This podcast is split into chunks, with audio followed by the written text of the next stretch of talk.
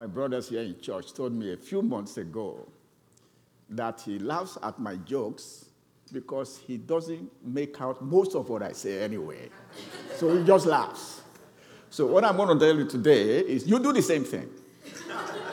so, whether it makes sense or you don't hear, just smile and just laugh about it. So, okay? Merry Christmas. And Merry Christmas to those who are watching online.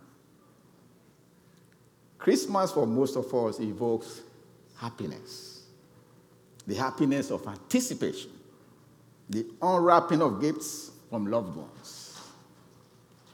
Ella and I have uh, graduated from giving gifts to our children. Our focus now is grandchildren, nephews, and nieces. But nothing beats the hugs and joy on their faces as they unwrapped their gifts. My grandson Joshua Isaiah, he comes here with me to church sometimes. He gives the best hugs. He squeezes tight and then he rubs me on my shoulder and pats my back as if to say, It's okay, Papi, it's okay. That is my out of this world happiness. For some of us, happiness is an evening of hand in hand walk around the neighborhood or the park with the one we love, whispering some sweet nothings into each other's ears. Happiness for some is being surprised on birthdays or vacationing in a tropical island. Every one of us wants to be happy. And so we pursue happiness with everything we have. To be happy, we spend lots of money. We collect collectibles. And we search endlessly for new experiences. Beloved, if happiness depends on our circumstances, as it appears to be, the question we must ask and answer are these What happens when the toys we treasure rust and the ones we love die? What happens? When our health takes a plunge? What happens when the sums of money is hacked from our savings account? And yes, what happens to happiness when the party is over and lights dim. We know what happens. For very often, happiness disappears and despair shows up. Happiness evaporates quickly with changes in our circumstances because happiness is never permanent. But happiness is unlike joy. Joy does not flee from us, it runs deeper and stronger as we experience life. Joy is the quiet, confident assurance of God's love and work in our life. The assurance that our God will be with us no matter the circumstances or situations. Beloved, realize that our happiness depends on happenings, but our joy depends on Christ. Since we celebrated the birth of our Lord Jesus yesterday, let us today take, talk about how we can pattern our Christian life after the humility of Christ so that we can be united in Him and experience the joy of relationships. My message today is from the book of Philippians, written by Apostle Paul while he was in prison to the people of Philippi as a personal expression of his love and affection. Philippians is the book of joy simply because it speaks to the real joy of Christian living. The secret to our joy as believers is grounded in our relationship with Christ. We are to be joyful in all circumstances. Joyfulness is not seasonal. The Word of God says that we are to be joyful even when things are going badly, even when we feel like complaining, and even when no one else is joyful. For Christ, He reigns, and we know Him. so we can always rejoice.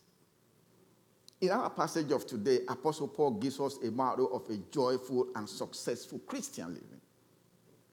He tells us that we can become mature Christians by being identified with Christ. So much so that his attitude of humility and self sacrifice define us. This means that developing our character as believers begins with God's work in us. But remember, Christian growth requires self discipline, self sacrifice, obedience to God's word, and absolute focus on Christ. So let us read Philippians 2, verses 1 to 11. So, if there is any encouragement in Christ, any comfort of love, any participation in the Spirit, any affection and sympathy, complete my joy by being of the same mind, having the same love, hope, being in full accord and of one mind. Do nothing from rivalry or conceit, but in humility count others more significant than yourselves. Let each of you not only look not only to his own interest, but also to the interest of others. Have the mind among yourself, which is yours in Christ Jesus, who, though he was in the form of God, did not count equality with God a thing to be grasped, but emptied himself by taking the form of a servant, being born in the likeness of men. And being found in human form, he humbled himself by becoming obedient to the point of death, even death on the cross.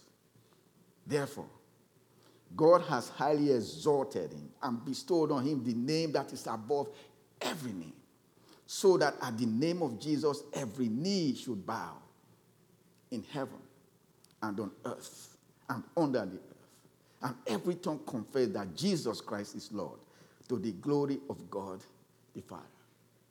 Wow. Beloved, yesterday we celebrated the birth of our Lord and Savior Jesus Christ. But today, Apostle Paul is exhorting us as believers to unite and to love one another. God's heart is for us to love in unity, to be in one mind. Look at what Paul says at the beginning of this passage. So, if there's any encouragement in Christ, any comfort of love, any participation in the Spirit, any affection and sympathy, complete my joy by being of the same mind, having the same love, being in full accord and of one mind. Paul is not doubting that these qualities exist in us as believers. No. Instead, he's making a bold declaration of what is already present in us as children of the living God. And so he declares if you have experienced the least amount of Christ's goodness in your life, and if your acceptance of Christ into your love, into your life has made any difference in you, then express it in the way you do relationships with those around you by being like minded, having the same love, being one in spirit and purpose. Notice that when Paul calls on believers to unite, he's not calling, calling on Catholics, Presbyterians, Baptists, the Anglicans, and other uh, church denominations to unite as one big organization. No, no, no, no. He's not, he's not saying that. He's, he's calling for unity of spirit. As believers, we gave our life to Christ because of what he did for us on the cross. Through his death and resurrection, we became adopted into the family of the living God. We are brothers and sisters in Christ, regardless of age, countries of origin, generations, or background. We are the children of the living God, the siblings of Christ. That is our identity as believers. So, since we all belong to one family, do we treat each other as a family? Are we united as a family? These are the questions Paul is asking us to consider in the beginning and throughout this passage. He is challenging us, believers in Christ, to unite as one family of God. For Paul believes unity of mind and spirit is of primary importance. That's why he addresses unity of believers in all his books in the New Testament. Brothers and sisters, we struggle with unity. And going from divided to united is a tall order for us and a major undertaking. Our Lord Jesus knows this, and that is why he encourages us by his words and prayers in the Gospels. Apostle Paul recognizes our difficulty with unity. That's why he gives us the ingredients necessary for believers to unite in verses 3 and 4 of this passage. So let's read. He says, Do nothing from rivalry or conceit, but in humility count others more significant than yourselves. Let each of you look not only to his own interests, but to the interests of others. So, specifically are the most do things for believers to, to live in unity? Paul says three things. First, do nothing from selfishness or empty conceit. Second, with humility of mind, regard others as more important than yourselves. Finally, he says, do not merely look for your own personal interest, but also for the interest of others. Selfish ambition, pride, or empty conceit is the inability to see beyond ourselves. It is when what me, myself, and us want matters the most. It was selfish ambition and vainglory that got Satan kicked out of heaven. Listen to how Isaiah puts it. You said in your heart, he's describing Satan, I will ascend to heaven above the stars of God. I will set my throne on high. I will sit on the mount of assembly in the far reaches of the north. I will ascend above the highest of the clouds. I will make myself like the most high. But you are brought down to Sheol, to the far reaches of the pit. Did you notice in Satan's plan that everything is I this, I that, I will do this, I will do that. I, I, I will make myself. This is absolute pride and empty conceit. So, what happened to Satan? He was cast out to the deepest parts of hell. Proverbs 16 18 says, Pride goes before destruction, and a haughty spirit before a fall. And we are told in James 4 6 that God opposes the proud, but gives grace to the humble. Is it not amazing, brothers and sisters, that why Satan was so full of himself and was all by his personal interest, Jesus, our Lord and Savior, left his throne in heaven, lowered himself down to the earth in humility and sacrificial love for us. Now, let's go back to Paul's formula for believers' unity. My thinking is that what Paul is asking us to do appears to be counterculture. That is why unity is so hard for us, and we constantly, as believers, struggle with it. Beginning from the day we are born, we come into this world believing that we are the center of the universe. As babies, we demand attention and refuse to share toys because everything we see is mine as we age, the society demands that we compete to succeed. No matter the number of toes we step on or the shoulders we climb to become successful and reach our life goals. We are made to believe that selfish ambition is the key to success. We are socialized to always look out for the number one. Very often than not, each ladder we climb towards success is tainted with heavy doses of selfishness and conceit. In our society of today, humility is often seen as weakness, but aggressiveness is adored. You cannot get too far up the ladder of success if you regard others as more important than yourself. And how far can you go up this ladder when each step taken, you are considering the interests of others and less of your own? How far can you go? So, for us in this society, selfish ambition is a natural ingredient to survival and advancement in life, whether individually or at the corporate level. Take me, for instance.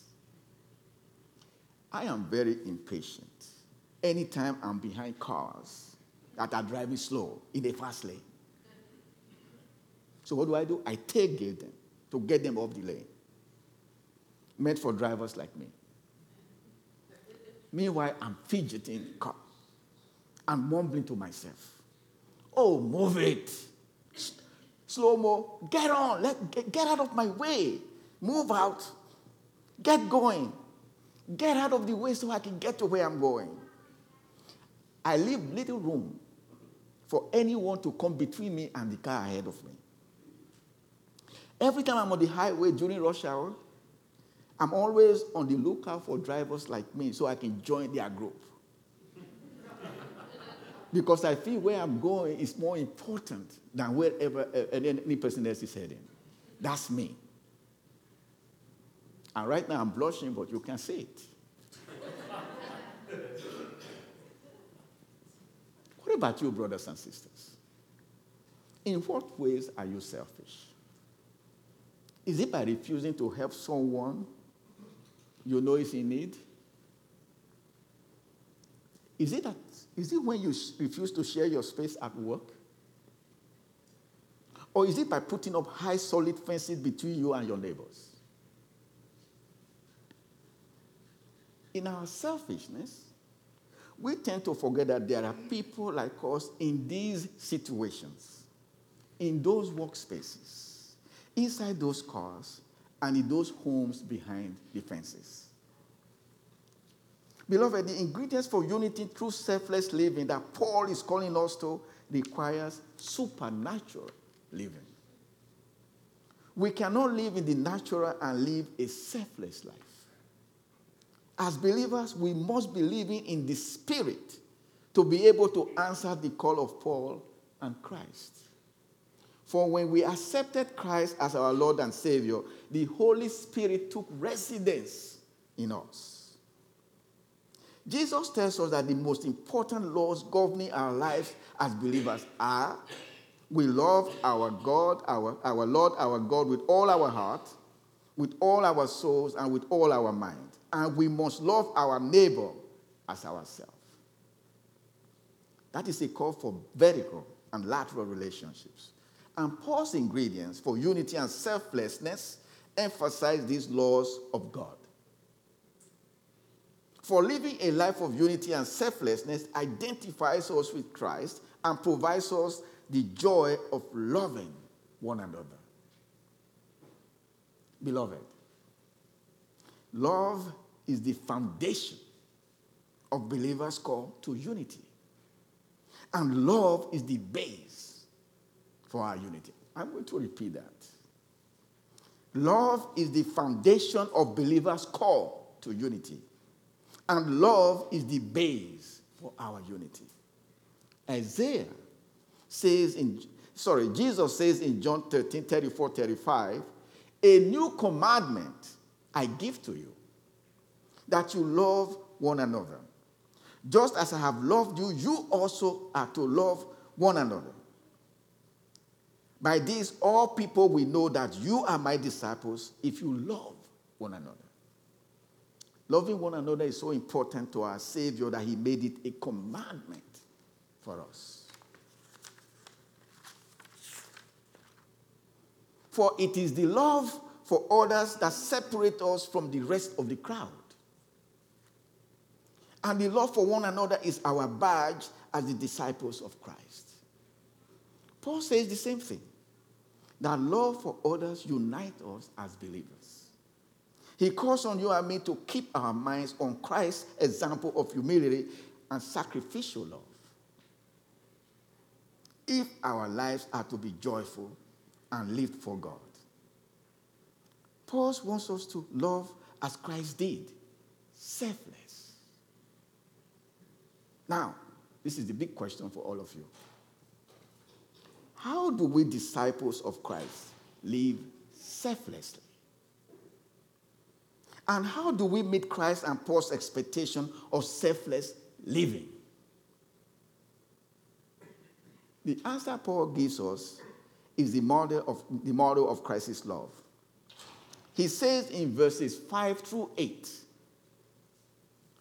Have this mind among yourself, which is yours in Christ Jesus, who, though he was in the form of God, did not count equality with God a thing to be grasped but made himself nothing, taking the form of a servant, being born in the likeness of men, and being found in human form, he humbled himself by becoming obedient to the point of death, even death on the cross. So Apostle Paul urges us to, to grow in humility and to make Jesus our role model. To do so, we must acknowledge the journey Jesus took from his throne in heaven to the cross at Calvary. There is no greater demonstration of humility and selflessness. Brothers and sisters, verses 5 through 8 maps the journey of Jesus from heaven to earth, from God to man, from the throne to the cross. He released the rights and privileges that belonged to him, laying them aside instead of clinging to them. Jesus had it all, but he laid it aside for you and me. There was no hint of self interest. There was no hint of self interest in all that he did. Going to the cross to be humiliated and disgraced was not to meet his own personal wants and needs but simply for you and me. So that his pain was exchanged for our gain. He was forsaken so that we could be forgiven, rejected so that we could be accepted, made himself nothing so that we could be something, died so we could live. The plan all along was that by trusting in Christ and what he did for us on the cross, we could find forgiveness and be made right with God. Wow. Beloved, I have two questions for you, and I'm going to go a little bit Pentecost on you this morning, okay? So when I ask this question, if you believe, say amen, and I want it very loud because you guys are too quiet. Are you ready? Have you received the forgiveness Jesus won on the cross? Amen. Well, come on now. You just had coffee. Come on, it has to be louder than that. Let's do it again. Have you received the forgiveness Jesus won on the cross? Amen. Do you trust that what Jesus did on the cross, he did for you? Amen. Thank you we are called to have the mindset of, or, or, the same attitude as that of Jesus Christ. These verses tells us that we must pattern our lives after Christ. And we are told to adopt two key elements into our lives. First, we must be Christ like by making ourselves nothing. Our scripture reading says that Jesus made himself nothing. Some Bible translations say he emptied himself. The question is, what did Jesus empty himself of? He emptied himself of his deity to become a man. Meaning, he voluntarily renounces his power. He willingly accepts the conditions of human life. He carried his utter obedience to God the Father, even to the point of shameful death on the cross. So, how does this apply to you and me? What must we empty ourselves of? The self. That is our biggest problem as believers the self. If we are to live, love others, we, the body of Christ, must start by emptying ourselves of the self. We must start considering the needs of others around us. Jesus, we are told, not only emptied himself of his deity, but he also took the form of a servant. The implication for us is that we must be willing to serve wherever and however the Lord calls on us to serve and to love others. But you and I know that expressing real love to another person is not an easy task. We know that. It is a difficult thing to do. And it is usually very inconvenient and counterintuitive. We are also most often called to love when we are dealing with our own difficult issues in our lives, especially during our own pity parties. There are, these are the times God calls on us to empty ourselves to serve others. The times you and I are usually not willing to serve because it is most inconvenient to do so. That's when the Spirit calls on you to give up your seat to a pregnant woman in a crowded bus or train. That's when even if you are in a rush to get somewhere, you stop to help a driver stuck in snow. That's when, on a Saturday morning, with a pile of things to do, the Spirit lays on your heart to help a widow mow her overgrown lawn. That's when you stop to place your own good towel over the window of a stranger's car, accidentally left open during snow or rain.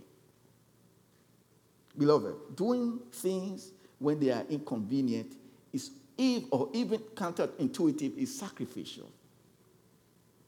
But imagine when someone you know or never met or never will is expecting the worst, but you had the opportunity to make it better. And you did. Can you then even begin to imagine how you have affected their life by your action of selflessness? Matured Christians hunt for opportunities to serve. They do not see inconvenience, they only see opportunities to serve others, to glorify Jesus, and to advance his kingdom and they see the joy to serve others as their reward. For matured Christians, the secret to enduring joy is grounded in their relationship with Christ. Verse 8 of our passage says, And when found in human form, Christ humbled himself to the point of death on the cross. Death itself is horrific enough. But death on the cross is so far worse at many levels. The criminal is hung by nails driven through his wrists. The knees are bent to keep him from supporting his body weight on, the, on his feet. The feet, the feet are nailed with one foot placed on the other to a small ledge. With very little support, the person hung on the cross must have to lift his whole body with great effort. Each time he breathes. Eventually, the whole body aches with extreme pain and exhaustion, and he suffocates. This, at the very least, is what our Savior went through for us. Jesus, our Savior, the one that knew no sin, was treated as a criminal. He was mercilessly beaten. His skin was ripped apart. He was stoned, stripped, humiliated, and he was hung on the cross to die. Christ submitted to this treatment because of his love for us. What else could he have done for us? That was not done. He did it all. And this is the ultimate example of selfless love. Beloved, which other God did that for his people? Which other God? Is it Baal? Buddha? The Roman God? Is it the Greek God? The Muslim God? Which one? Which of them and the many other gods people worship today did what Christ did for us? Just think about that. Christ's death on the cross is to help you and I understand what we have been called to. And the reason the Bible frequently reminds us about being one and to love one another, even to a place of vulnerability, even to a place of inconvenience, and yes, even to the point of getting hurt. But, beloved, realize that none of this can happen naturally by our own strength. This means that if you and I are operating worldly or in our natural life, we are never ever going to put ourselves out there for anyone. We are never going to seek opportunities to serve. The kind of life we are called to only comes supernaturally. By supernaturally, I mean life in the spirit and through the Holy Spirit living in us, operating in us, and through us. Look, if I, as a believer, I decide to live in the natural, I am going to constantly hold back love. I am going to be living for me and living according to the rules of this world. I am going to be doing what is good for me. I am going to be doing what gets me ahead. But that's not what this passage is calling us to, is it? And that is not the model of Christ. That is not where real joy exists. So it comes down to a choice that you and I must make.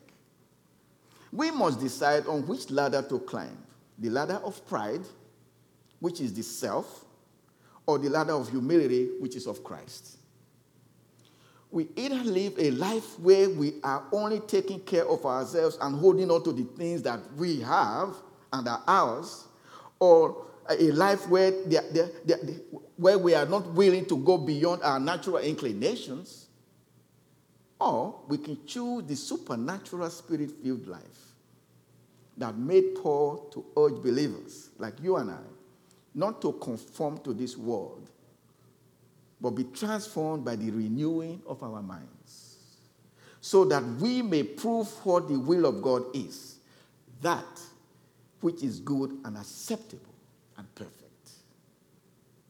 Beloved, spirit filled life is only possible to those who are completely broken and surrendered to the will of God. The self dominates our life if we are not broken or yielded to the, to the Holy Spirit. We become so full of the self that the Spirit of Christ in us is always struggling to come out and be expressed in our lives. Therefore, we must do what Jesus did empty ourselves of the self. Just remember, that can only happen through the help and work of the Holy Spirit. For it is never by my might, nor by power, but from an outpouring of God's Spirit. Christmas is the beginning of the greatest story ever told. And Christmas also points to the end of that story. For the baby in the manger grew up to, the, to be the man who, for the joy that was set before him, endured the cross, despising the shame.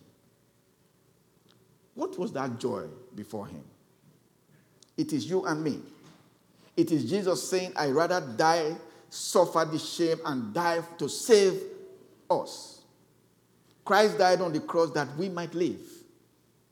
He didn't suffer and die so that we can just walk off in our own selfish ways.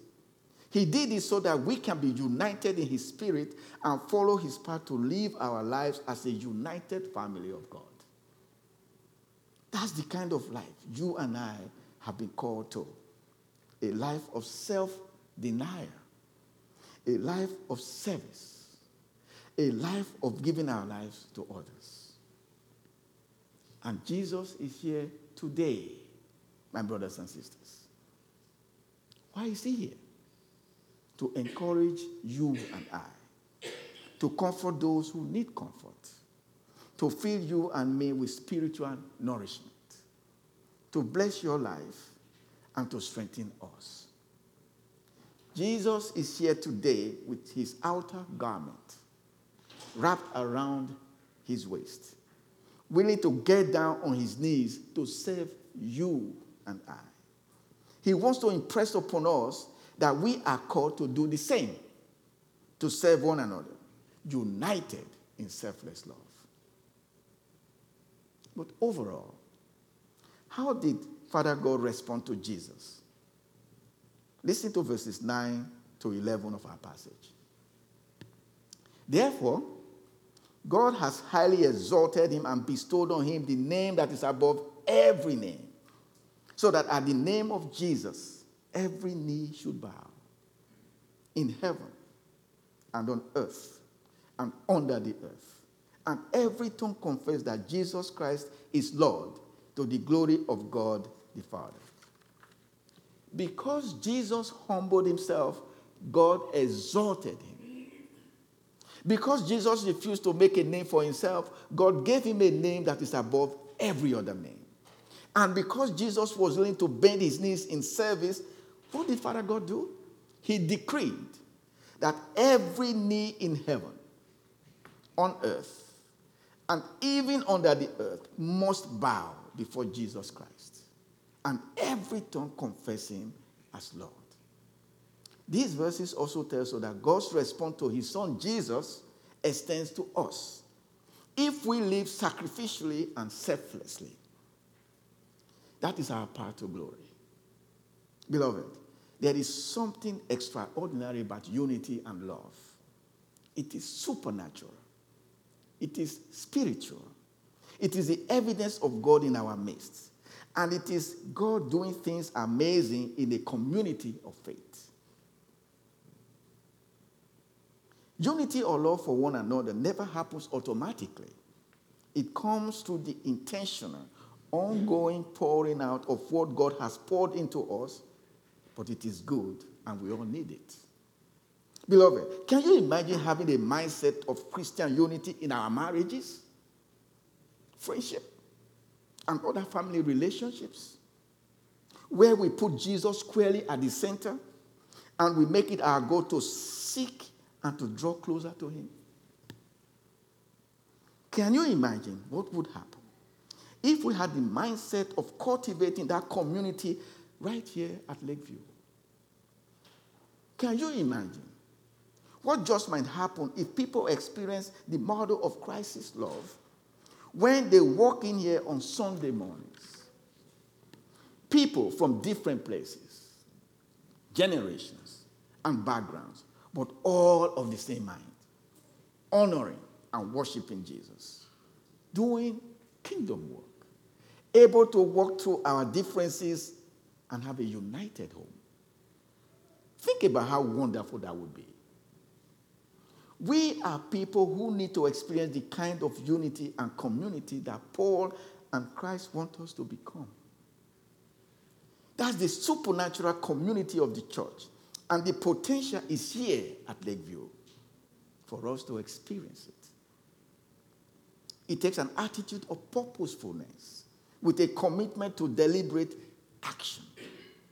And there is something for each of us to do to achieve the life of unity, the love for one another that we are called to by Paul and Christ. Praise God that at Lakeview, we experience some of that unity and love. But we must continue to intentionally cultivate that life of unity and selfless love for each other. It is precious. And we must never, ever take it for granted. Okay. Just in case you are wondering what kind of a driver I am these days, a selfless and compassionate one who prays to the Lord each day for travel mercies. And the strength to endure my many temptations. Driving has become a ministry of thanksgiving for me. Every slow driver God puts in front of me is an answer to my daily prayer for travel mercies. And at each time, I say to the Lord, Thank you. But you know what? I get to my destinations relaxed and on time. Let us pray.